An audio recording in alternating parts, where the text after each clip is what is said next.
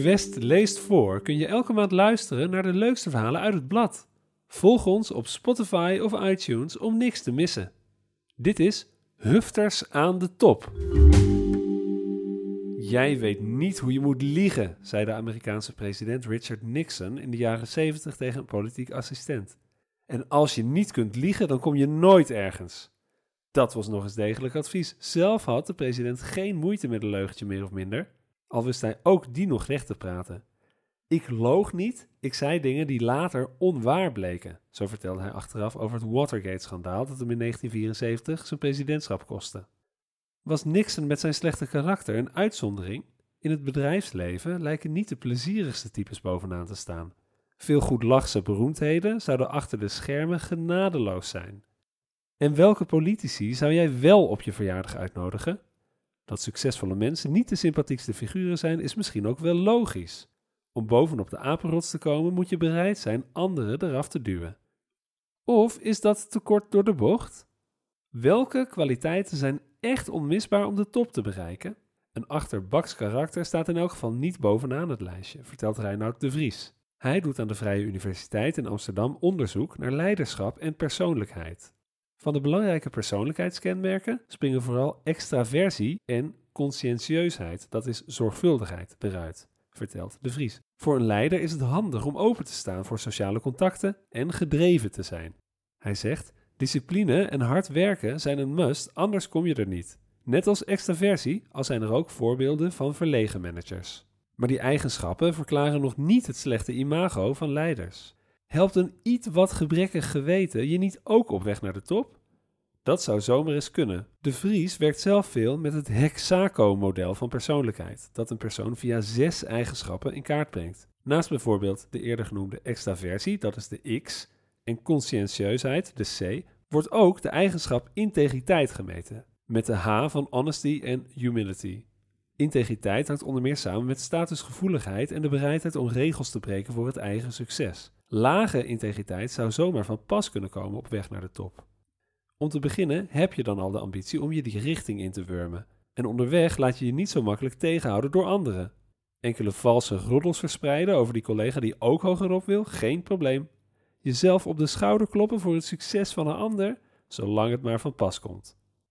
Zo'n houding lijkt in elk geval te zijn terug te vinden bij toppolitici. Die scoren lager op integriteit dan de gemiddelde bevolking, zo blijkt uit onderzoek van De Vries. Voor de Tweede Kamerverkiezingen van 2017 onderzocht hij met collega's de persoonlijkheden van de lijsttrekkers van de zeven grootste partijen. Die scoorden met name op de eigenschap integriteit schrikbarend laag. Alleen Emiel Roemer van de SP haalde nog een redelijk gemiddelde score. Rutte en Wilders hoorden bij de 6% minst integere mensen, volgens het onderzoek.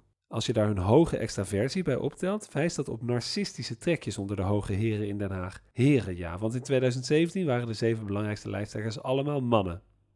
Toont het aan dat politici niet te vertrouwen zijn? Nou nee, dat niet. Het laat vooral zien wat de kiezers van hen vinden. De negatieve scores waren namelijk afkomstig uit een steekproef onder de Nederlandse bevolking. Het beeld leeft dus blijkbaar dat onze leiders een beetje gluiperig zijn. Of dat ook zo is, zelf denken ze er totaal anders over. Uit andere studies is bekend dat politici zichzelf juist eerder hoog beoordelen op de eigenschap integriteit. Ze zien zichzelf zeker niet als onbetrouwbare narcist.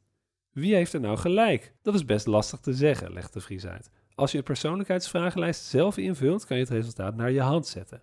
Zelfs gevangenen vinden zichzelf gemiddeld genomen best integer, laten studies zien. Op basis van zelfrapportages zijn leiders dus lastig te beoordelen, al was het maar omdat niet elke president een persoonlijkheidsvragenlijst invult. Laat je de beoordeling over aan anderen, dan meet je misschien vooral hun cynische inschatting. Misschien kunnen ze het simpelweg niet verdragen dat anderen zo succesvol zijn.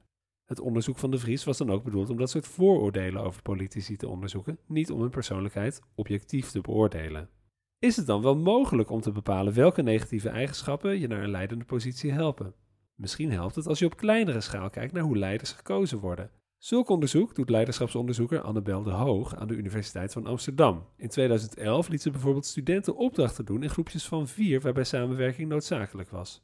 De Hoog observeerde wie de leiderschapsrol op zich nam. Doordat de proefpersonen vooraf een persoonlijkheidsvragenlijst hadden ingevuld, werd al snel duidelijk wat voor karakters kwamen bovendrijven. Dat bleken lang niet altijd de meest capabele types. We laten ons namelijk makkelijk om de tuin leiden door mensen met narcistische trekjes, vertelt de Hoog. Ze vertelt: We hebben een soort prototypisch plaatje van mensen die we als leider zien.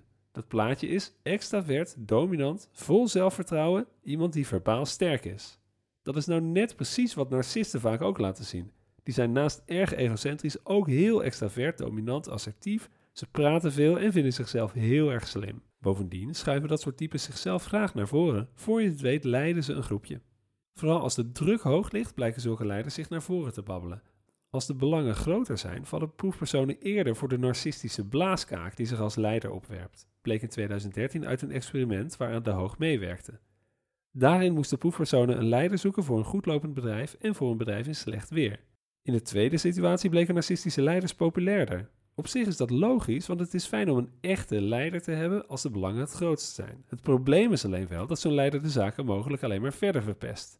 Want die narcistische eigenschappen mogen dan vlotte praatjes opleveren, ze maken een leider er niet beter op.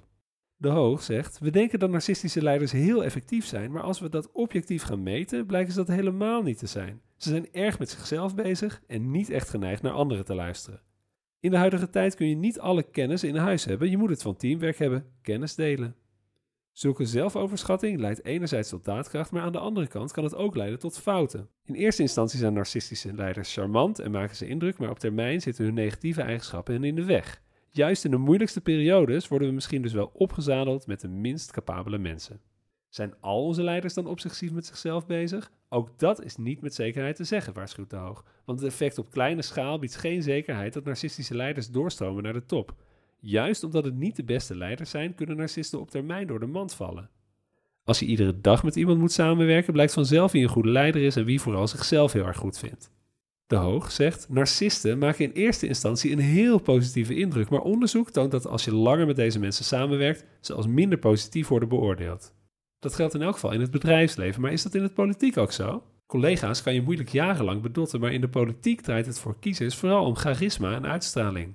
Ze zegt: Je staat wat verder van de mensen af. Dat is de situatie waarin narcisten het goed doen. Dan zie je al die negatieve eigenschappen niet. Weinig kiezers volgen het werk dat politici verrichten in commissievergaderingen. Ze horen vooral de vlotte babbels in talkshows en verkiezingsdebatten. Misschien klopt het dus wel dat politici niet de betrouwbaarste types zijn, omdat kiezers zich gemakkelijk door dat soort figuren laten inpakken. Hoe dan ook benadrukt zowel de Vries als de Hoog dat een discutabel karakter geen absolute voorwaarde is voor een topcarrière. De verschillen die uit studies naar voren komen zijn betrekkelijk, legt de Vries uit. Sommige mensen doen het puur voor de status en de macht en genieten daar echt van, maar er zijn ook mensen die op hogere posities komen en daar echt wat willen betekenen voor andere mensen. Het gaat er dus vooral om dat je met bepaalde trekjes een iets grotere kans hebt de top te bereiken. De baas is dus geregeld een lul, maar heus niet altijd. Het is nou eenmaal niet zo dat alleen gewetenloze figuren in aanmerking komen voor topposities. Gelukkig maar, al is de tegengestelde conclusie al zorgelijk genoeg. Een gouden geweten en een ijzersterk moreel kompas lijken niet de nuttigste eigenschappen voor het beginnen van een topcarrière.